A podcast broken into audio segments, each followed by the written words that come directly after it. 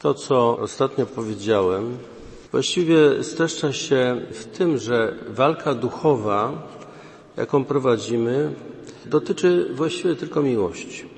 Zgodnie z tym, co Pan Jezus powiedział w odpowiedzi na pytanie, a co jest najważniejsze w prawie u proroków, e, mówi o miłości Boga. Będziesz miłował Pana Boga z całego swego serca, ze wszystkich sił swoich i bliźniego swego jak siebie samego.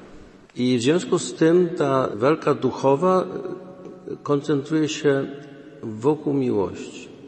Tyle, że trzeba powiedzieć uczciwie, że y, ta miłość ma trzy wymiary, nie dwa, tylko trzy. Jest miłość Boga, bliźniego, jak siebie samego. Y, tutaj warto wiedzieć, że my nie jesteśmy w stanie miłować bliźniego, o ile nie miłujemy siebie. I tutaj miłość siebie trzeba oddzielić od takiego, to się to nazywa czasami miłość własna, ale ona jest egocentryczna, ta miłość własna, dbająca o swój interes. Natomiast prawdziwa miłość, zgodnie z tym, co jeszcze kiedyś Arystoteles mawiał, polega na tym, że człowiek pragnie rzetelnego dobra dla tego, kogo kocha. Kochając siebie, musimy pragnąć tego rzetelnego dobra, prawdy i dobra. Ostatecznie chodzi właśnie oczywiście o nasze bycie w Królestwie Bożym, bo to jest to ostateczne dobro, o które chodzi. Ale na pewno y, drogą do tego jest prawda i dlatego miłość, prawdziwa, rzetelna miłość siebie, to jest no, droga prawdy. Natomiast ta miłość partykularna, taka y, miłość siebie w tym złym rozumieniu, to jest po prostu egocentryczna miłość. To jest dążenie do zaspokajania swoich pragnień, chęci, takie jak one się pojawiają. One często są właśnie napędzane namiętnościami różnego rodzaju, które nam tu świat. Walka duchowa toczy się dokładnie właśnie wokół tego przykazania miłości mającego potrójny wymiar. My tego bardzo konkretnie doświadczamy. Mianowicie najlepiej to walkę duchową w odniesieniu do tego wymiaru miłości Boga widać podczas modlitwy. Kiedy chcemy się naprawdę modlić, idziemy do kaplicy, żeby się skupić, to wtedy tysiące rzeczy się przypominają, bardzo pilnych, ważnych, które właśnie w tej chwili trzeba zrobić. Albo jest właśnie jakaś lawina takich wspomnień, przypomnień, różnych rzeczy, obrazy, które nas męczą. I w tym wszystkim wyraźnie widać, że chodzi o to, żebyśmy nie weszli w tą autentyczną więź z Bogiem. Szatan robi wszystko, żeby nie dopuścić do autentycznej więzi z Bogiem. I właśnie na modlitwie to najlepiej wychodzi. I w tym momencie myślę, że warto powiedzieć dwa słowa o medytacji. Co to jest medytacja? W chrześcijańskim rozumieniu, idę za Romano Guardini, medytować to znaczy być obecnym, ale przed Bogiem. Być obecnym. Medytacja to nie jest rozmyślanie o Bogu, to jest obecność przed Nim. Ta obecność przed Nim to jest relacja ja-ty. Rozmyślanie o Nim to jest relacja ja-on. Zupełnie inna relacja. Jest fundamentalna różnica między jedną a drugą relacją. Niestety u nas czasami właśnie rozmyślanie nazywa się modlitwą, co jest błędem, ewidentnym błędem. Zawsze rozmyślanie jest relacją ja to. Ja to coś. Możemy przymioty Boże, miłosierdzie Boże rozpatrywać, ale to jest zawsze to, co my mamy w głowie na temat miłosierdzia Bożego, a to nie jest żywa relacja z Bogiem. W tym momencie medytacja jest o tyle ważna, że w medytacji, kiedy podejmujemy to ćwiczenie medytacyjne, wchodzimy w samo centrum walki duchowej i to w tym najważniejszym wymiarze. Właśnie bycie obecnym przed Bogiem. Powiedziałbym w ten sposób, że szatan nawet się bardzo chętnie zgodzi na to, że będziemy rozmyślać i pięknie myśleć o Panu Bogu. Proszę bardzo, wspaniale. Pod jednym warunkiem, że to nie będzie miało przełożenia na, na żywą relację z Nim i prawdziwą przemianę serca.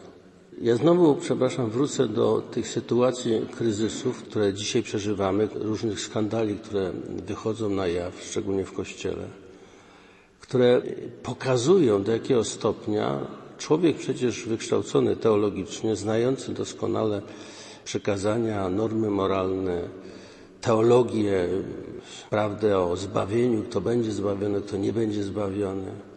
Kiedy człowiek się zastanawia nad tym, jak taki człowiek, który zresztą sprawuje jeszcze misteria Chrystusa, jak może się odnajdywać przed tym Bogiem, robiąc rzeczy, które są ewidentne i to złe, wręcz diabelskie. Jak on to może robić, godzić? No, jeżeli, wiecie, ojciec Leon to zawsze mówi tak, no, jeżeli zrobił, to znaczy, że mógł zrobić, no bo jakby nie mógł, to by nie zrobił, no. A z tego, że mógł zrobić, coś wynika, że ta wiedza, która jest tutaj, ona się nie przekłada na, na życie. I to jest dramat. To jest tragedia. Więc proszę bardzo, rozmyślaj sobie. Buduj sobie wiedzę teologiczną. Wspaniale. A jeszcze do tego, jak będziesz brylował w tej dziedzinie, będziesz się popisywał i pisał artykuły polemiczne z jakimiś innymi i pokazywał, jaki ty jesteś doskonały w teologii. Wspaniale. Ale jeżeli to nie będzie miało przełożenia na ten, no to właśnie szatan to jak najbardziej może popierać. Nie ma problemu. Dlatego ta walka wewnętrzna, prawdziwa walka, ujawnia się wewnętrznie i to najmocniej wychodzi w modlitwie. Ale też można się modlić, robić, że tak powiem, całe sztafety modlitewne. Będziemy modlić się nieustannie, nabożeństwa robić, różne adoracje, ale będzie to trochę, wiecie, tak jak ja to określam, taka akademia na cześć Pana Jezusa na przykład, albo Matki Bożej. Kiedyś mi jeden z katechetów opowiedział taką historię, był na rekolekcjach w Zakopanem, w tej księżówce, sporo tych katechetów było, no i tam między innymi była adoracja. Otóż jeden z bardzo znanych księży, nie chcę tutaj nazwiska wymieniać, znane, zrobił wystawienie Najświętszego Sakramentu na ołtarzu. Następnie stanął obok i przez pół godziny mówił, co to jest adoracja i jak należy uwielbiać Pana Jezusa. A potem wziął i schował Najświętszy Sakrament. Wspaniale. Ale w tym momencie w żadnym wypadku ani ten ksiądz, ani ci ludzie nie doświadczyli tego, o co chodzi naprawdę w modlitwie i o tym, że modlitwa jest walką. No nie mieli szans. Była to prelekcja w obecności Najświętszego Sakramentu. Pamiętam też kiedyś adorację na Jasnej Górze. Pojechali na Jasną Górę, tam oczywiście zamknięcie, apel jasnogórski, myśmy zostali w kaplicy, Matka Boża, gdzieś do piątej rano chyba było, więc tam tych godzin było siedem chyba, czy osiem. Koni ani razu nie było dziesięciu minut ciszy. Ani razu. To były osoby zakonne, adorujące. W ogóle jakaś, ja wiem, no, karykatura, bym powiedział, tego, o co chodzi. Natomiast medytować znaczy być obecnym przed Bogiem. W praktyce jest to walka o obecność przed Bogiem. Stąd stosuje się pewne techniki, bo ta małpa w głowie, jak to na wschodzie mówią, ciągle skacze. I trzeba sobie uświadomić te myśli, które na nas przychodzą. I jest przerażające, z jaką intensywnością i częstotliwością one na nas przychodzą. Proszę to sobie zauważyć, szczególnie podczas właśnie takiej modlitwy w skupieniu, ciszy, adoracji Najświętszego Sakramentu. Jeżeli uchwycicie, to zobaczycie, że nowe myśli, nowe wyobrażenia, natchnienia, uczucia, to wszystko się nazywa myśli, logismoi po grecku, to przychodzi do nas między ułamkami sekund, a góra 4-5 sekund. Nowa myśl.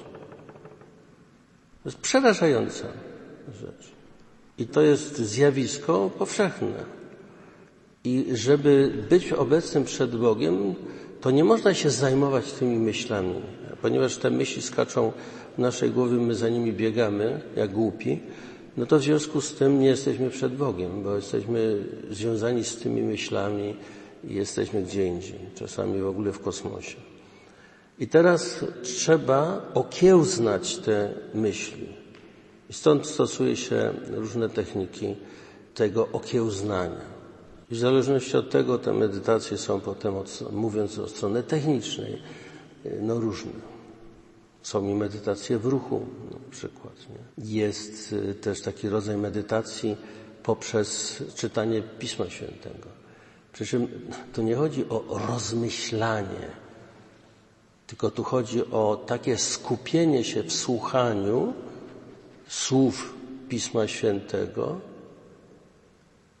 skupienie się w tym, żeby usłyszeć głos Boga do mnie skierowany. To jest lekcja divina w tym najwyższym wymiarze. Takie czytanie, wsłuchiwanie się w słowa, żeby usłyszeć głos Boga. Ja przypomnę, że tym zasadniczym środkiem komunikacji międzyosobowej jest słowo, to co mówimy. I teraz, jeżeli my się skupimy dobrze w słuchaniu, to ta obecność, ten, który do nas przemawia, jakby trafia do naszego serca. I tu jest ta żywa obecność. Ale i rada wtedy jest taka, jak zabrzmi to słowo, jak cię uderzy w serce, to zatrzymaj się na chwilę. Ale to są dosłownie sekundy. A potem czytaj dalej. Dlaczego? Bo od razu się uruchamia maszynka kojarzenia swoich myśli i tak dalej. Wtedy się zaczyna rozmyślanie i znowu jesteśmy poza kontaktem, poza żywą więzią z Bogiem. To musimy wiedzieć. Potem, jak skończyliśmy taką medytację, bardzo pozytywne jest i zalecam przypomnieć sobie, co mi przyszło do głowy i wtedy rozmyśleć, nawet sobie notatki można zrobić i tak dalej. Bo to właściwe ukształtowanie swojego myślenia, kategorii myślenia, sposobu, ja wiem, odnoszenia się do Boga i tak dalej, jest niezmiernie ważne, bo one budują z kolei podstawę do następnego kroku, jakby następnego otwarcia. Bardziej nam uświadamiają, z kim mamy do czynienia.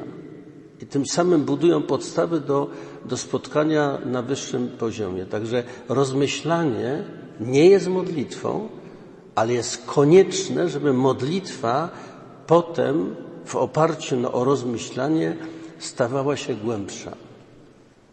Zdecydowanie twierdzę, że rozmyślanie nie jest modlitwą, ale to nie znaczy, że jest nieważne. Jest bardzo ważne. Natomiast nie jest modlitwą.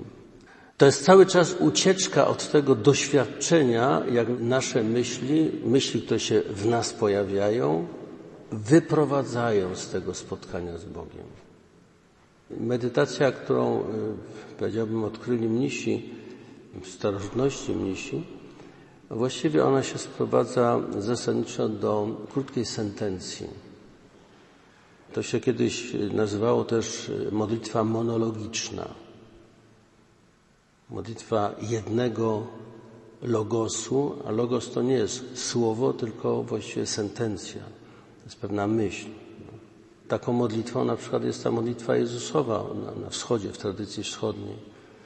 To, z czego powstał różaniec, też było pierwotnie modlitwą monologiczną, ale potem został przerobiony na różaniec, bo w Zdrowaś Mario mamy pierwszą część i to jest, to jest właściwie cytat ze zwiastowania i z nawiedzenia, powiedzmy, z tych scen. Natomiast potem jest zakończone oracją. Święta Maria Matko Boża. I to się w tym momencie komplikuje. Ale pierwotnie to wezwanie Zdrowaś Mario, ono było właśnie taką modlitwą monologiczną. Kasjan y, oferuje to, co my znamy z liturgii godzin. Boże wejdź ku wspomożeniu memu, Panie pospiesz ku ratunkowi memu.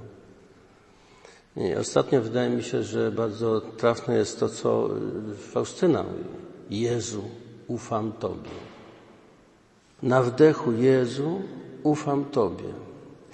Dlaczego? Jezu to jest wezwanie, to jest jakby chęć przywołania. Ufam Tobie to jest moja odpowiedź, wydech, w którym zwracam się do Niego z zawierzeniem. I chodzi o stworzenie tej przestrzeni spotkania. Albo ta modlitwa Jezusa. Panie Jezu Chryste, Synu Boga Żywego, apel, zwrócenie się do Niego, przywoływanie, zmiłuj się nade mną grzesznikiem. Też wdech, wydech.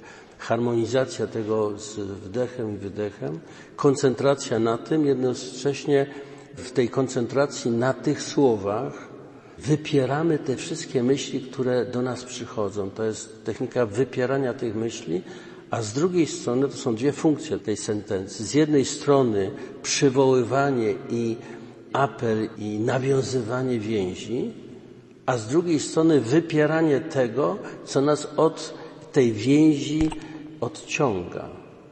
Ale to jest, to jest ćwiczenie. Jeżeli to ktoś z Was zrobi, to doskonale wie, że to nie jest takie proste, że to jest wysiłek.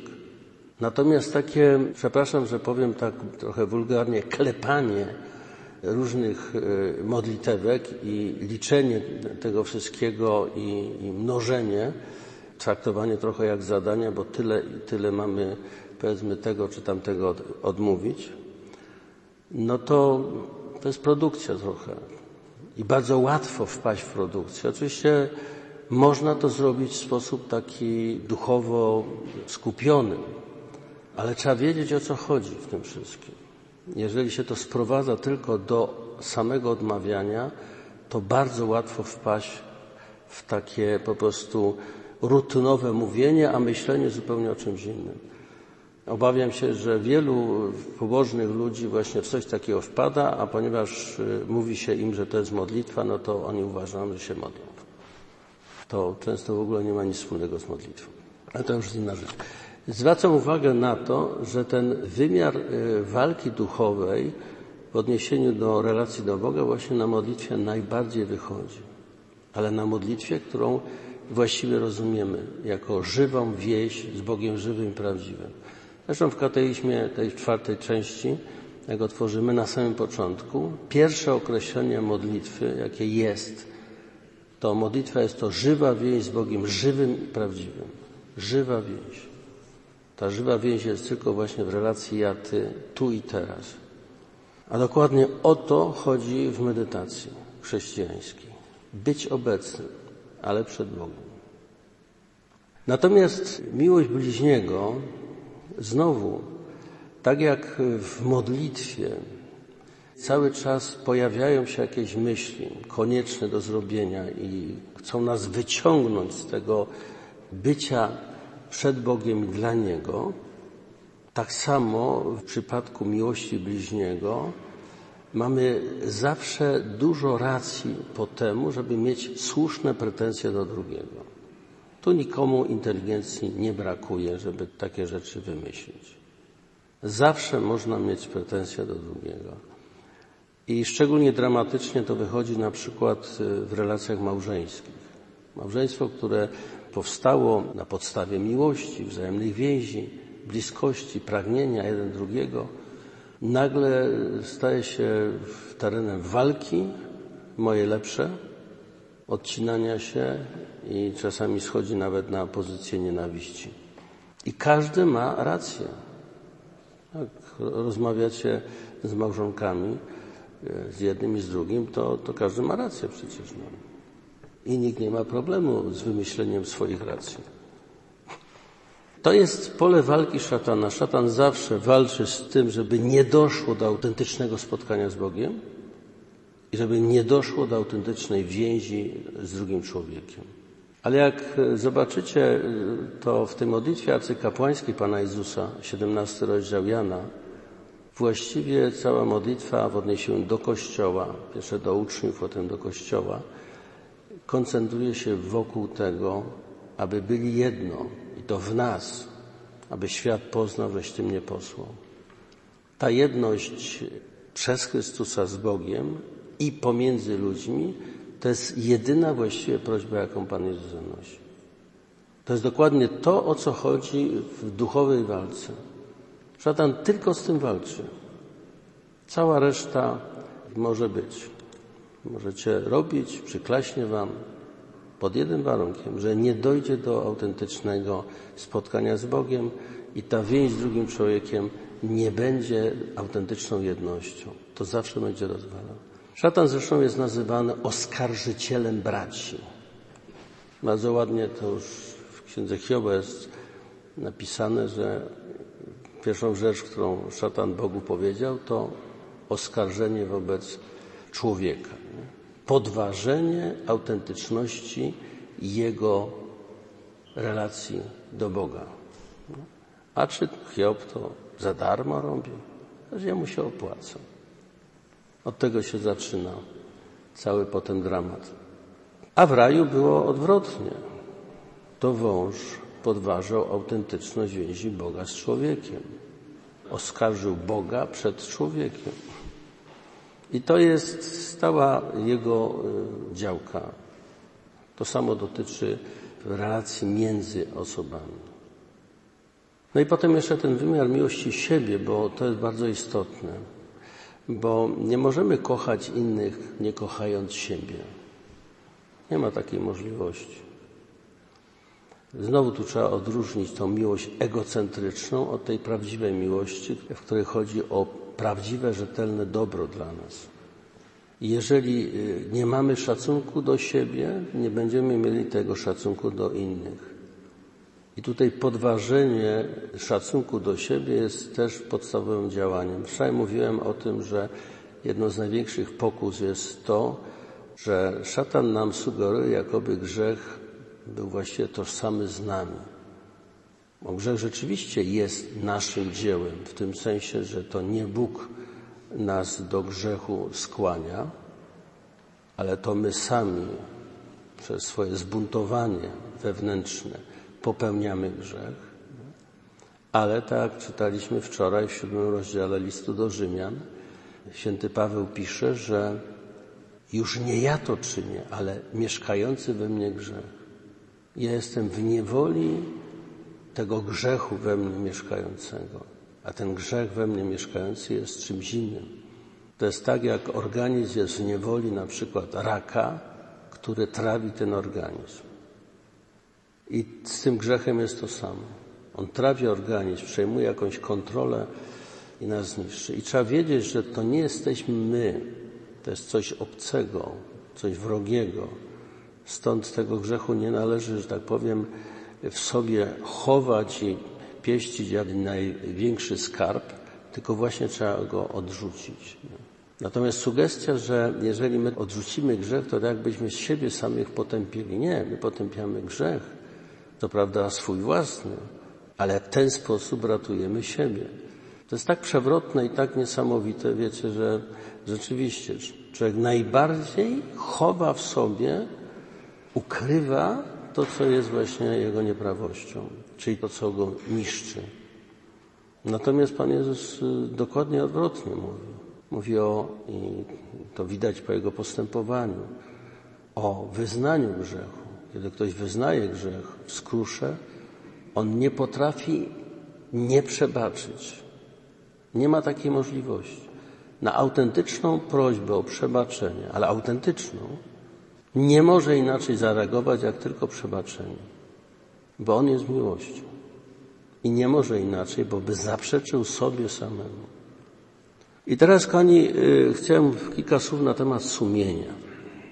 U nas od razu, kiedy się mówi o sumieniu, mówi się o sumieniu moralnym. Ja kiedyś napisałem taką książeczkę Dar sumienia.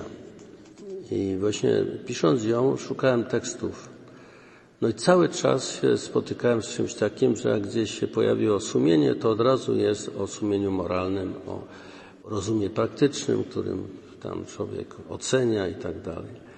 To jest spłycenie całej prawdy o sumieniu. Gaudium et Spes w dokumencie soborowym. To zresztą y, kateizm Kościoła katolickiego powtarza. Jest najtajniejszym ośrodkiem i sanktuarium człowieka, gdzie przebywa on sam z Bogiem, którego głos w jego wnętrzu rozbrzmiewa. Sumienie. Najtajniejszy ośrodek i sanktuarium człowieka, gdzie przebywa on sam z Bogiem, którego głos w jego wnętrzu rozbrzmiewa. Sumienie jest misterium naszego spotkania z Bogiem. Stąd y, walka o sumienie czy sumienia rozgrywa się przede wszystkim na modlitwie, w której dokładnie o to samo chodzi, które jest wysiłkiem budowania żywej relacji z Bogiem żywym prawdziwym.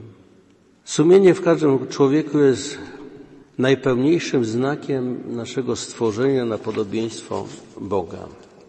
Niespokojne jest moje serce, póki nie spocznie w Tobie, piszał święty Augustyn w wyznaniach.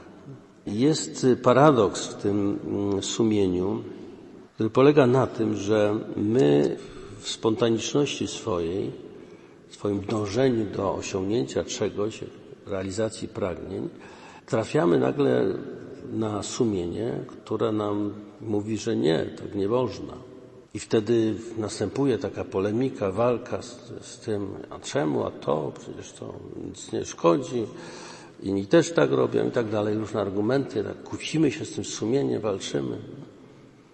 Ale kiedy jednak potem w tym sumieniu ulegniemy i zrobimy tak, jak powiedział sumienie, to ten niby zewnętrzny głos, którym walczyliśmy, polemizujemy, okazuje się, że jak zrobiliśmy zgodnie z tym głosem sumienia, to zrobiliśmy to, co powinniśmy zrobić i sami najlepiej siebie, że tak powiem, odczuwamy.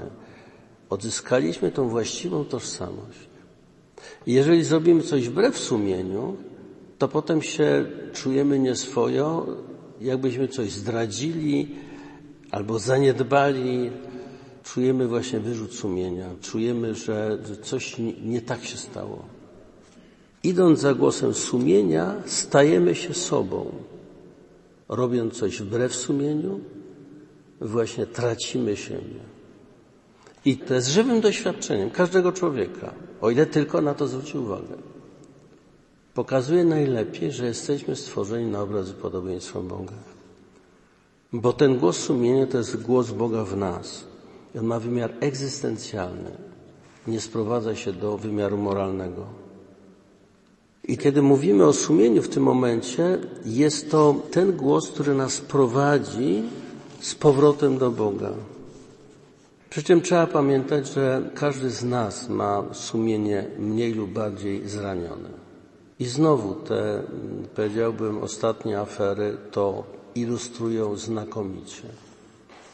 Największe autorytety właściwie, które spotkaliśmy w życiu, okazuje się nie są doskonałe nie są idealne. Mają jakąś taką słabość, coś takiego, co powoduje ostatecznie, że zło się szerzy. I otóż, kiedy szukałem właśnie tekstów na temat sumienia, takich najbardziej przemawiających, to u Jana Pawła II spotkałem je w encyklice o Duchu Świętym. Zasadniczo Jan Paweł II uważa, że to w sumieniu działa Duch Święty. To jest właśnie Jego głos. Pan Jezus mówi w Ewangelii Jana, że jest dobre dla Was moje odejście, bo jeżeli odejdę, to poślę do Was Ducha Prawdy, który Was doprowadzi do całej prawdy. Ducha Prawdy. Jan Paweł II pisze e, w encyklice o Duchu Świętym tak. Nawrócenie domaga się przekonania o grzechu, zawiera sobie wewnętrzny sąd sumienia, a sąd ten, będąc sprawdzianem działania ducha prawdy wewnątrz człowieka, równocześnie staje się nowym początkiem obdarowania człowieka łaską i miłością.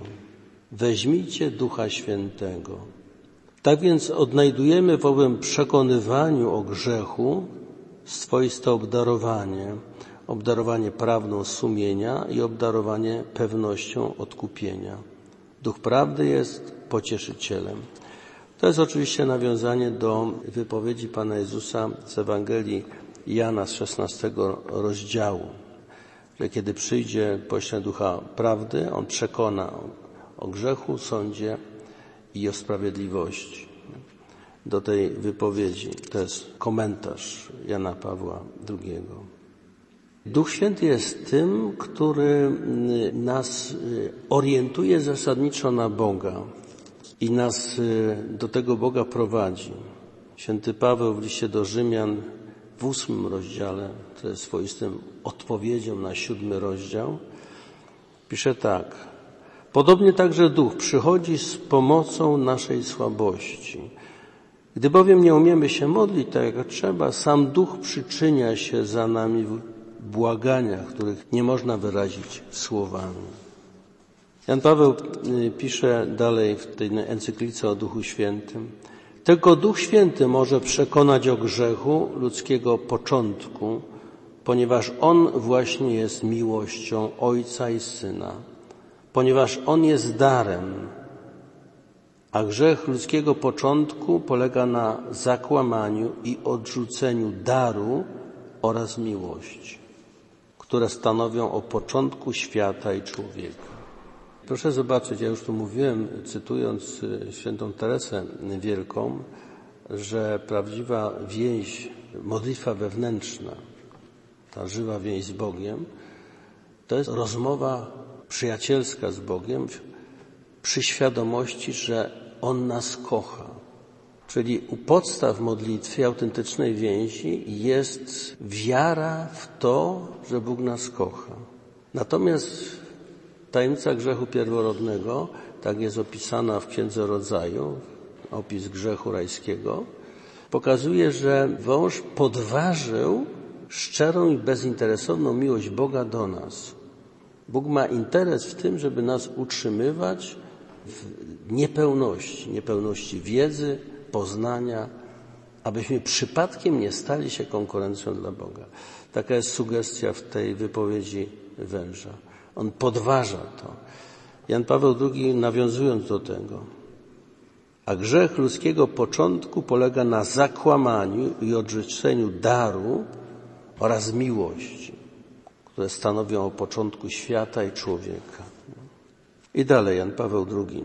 Stworzony na obraz Boga, człowiek zostaje przez ducha prawdy obdarowany sumieniem, ażeby obraz, jakim człowiek jest, wiernie odzwierciedlał swój pierwowzór, który jest zarazem mądrością i prawem odwiecznym, źródłem ładu moralnego w człowieku i w świecie.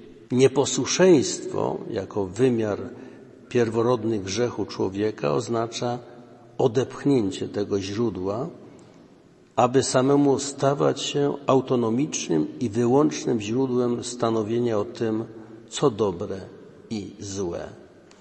Sumienie jest darem na drodze powrotu do Boga. Stąd niezmiernie ważne jest to, abyśmy chcieli słuchać sumienia, chcieli mieć sumienie. Jednocześnie sumienie nie tworzy żadnego nacisku, bo sumienie jest głosem Boga, który respektuje wolność człowieka. Obdarowując człowieka wolnością, sumienie tę wolność respektuje. I tutaj jest jakby taki ważny moment, w którym można odróżnić sumienie od tego, co nie jest sumieniem, a co się podszywa pod sumieniem. Psychoanaliza odkryła jakieś 100 lat temu to superego, tą strukturę wewnętrzną w nas, taką psychologiczną. I wtedy ogłosili, że znaleźli i wiedzą, co to jest sumienie. Nie, to jest dokładne przeciwieństwo sumienia. Właśnie ta różnica polega na tym, że sumienie, mówiąc, nie stwarza nacisku. Superego przede wszystkim stwarza nacisk. Presję. Jak mogłeś coś takiego zrobić? Co ludzie powiedzą? To skandal. To jest wszystko idzie w kierunku właśnie tego, co jest tym superego. To jest taka struktura. To jest taki rodzic wewnętrzny, który nam pokazuje palcem i, i wytyka jakieś nieprawidłowości. Nie? Tak ci nie wolno. I to jest struktura nakazowa taka, zmuszająca. Kiedyś e, siostra Małgorzata Burkowska w rozmowie mówi mi tak, czy ojciec wie, kto to jest ciotka? Mówię, no ciotka. No i daje definicję ciotki. Ciotka to jest ta, co siedzi na kanapie i ma za złe. To ta, która siedzi na kanapie i ma za złe. Dokładnie tak działa superego. Stara ciotka w nas ma za złe. Sumienie nie ma za złe. To nie jest stara ciotka. Nie można je właśnie z tą starą ciotką utożsamiać. Nie? Jest dokładnie inaczej. I najlepiej sumienie się poznaje po owocach. Ja mówiłem o tym, że to jest przedziwne, że człowiek, kiedy polemizuje z sumieniem, walczy o swoje, ostatecznie, kiedy robi to swoje, czuje się nieswojo potem. Kiedy robi to, co sumienie powiedziało, mimo tego, że, że mu to nie pasowało, czuje się swojo. Czuje się zrealizowany. To ładnie daje taką ilustrację tego ta przypowieść o dwóch braciach. Ojciec powiedział do, to Pan Jezus mówił, powiedział do pierwszego, idź synu w pole i pracuj. Idę ojcze, ale nie poszedł. Poszedł do drugiego, synu idź pracować w pole. Nie pójdę. A potem się przełamał i poszedł. I co się dzieje? Właśnie ten drugi syn, który właśnie walczył z tym sumieniem, ojciec kazał, a tu mi się nie chce, no, przełamał się. Jak przyszedł, na pewno miał pokój sobie. Takie poczucie zrealizowania się, że zrobił to, co jest konieczne. Sługami nieużytecznymi jesteście. Powiecie sobie, że wy pokonaliśmy tylko to, co mieliśmy wykonać. Nie należy nam się żadna chwała w związku z tym, jakieś uznanie wielkie, poklask. Zrobiliśmy to, co do nas należało. Owocem sumienia zawsze jest pokój. I tutaj się pokazuje, jak ten głos sumienia, który jest jakby obcym głosem, jest bardziej nasz, mój, niż to moje ja, które polemizuje z tym sumieniem. I tutaj jest źródło tej wypowiedzi świętego Augustyna, paradoksalnej wypowiedzi, która mówi, że Bóg jest bliżej nas niż my samych siebie. I to właśnie jest doświadczane w sumieniu. To pokazuje sumienie. Bóg jest bliżej nas, bardziej w nas niż my samych siebie. A to koresponduje dokładnie z tym określeniem serca, które czytałem tutaj wcześniej, a które znajdujemy w czwartej części kateizmu. To jest ukryte centrum w nas z miejsce spotkania, spotkania z Bogiem, a także spotkania z drugim człowiekiem.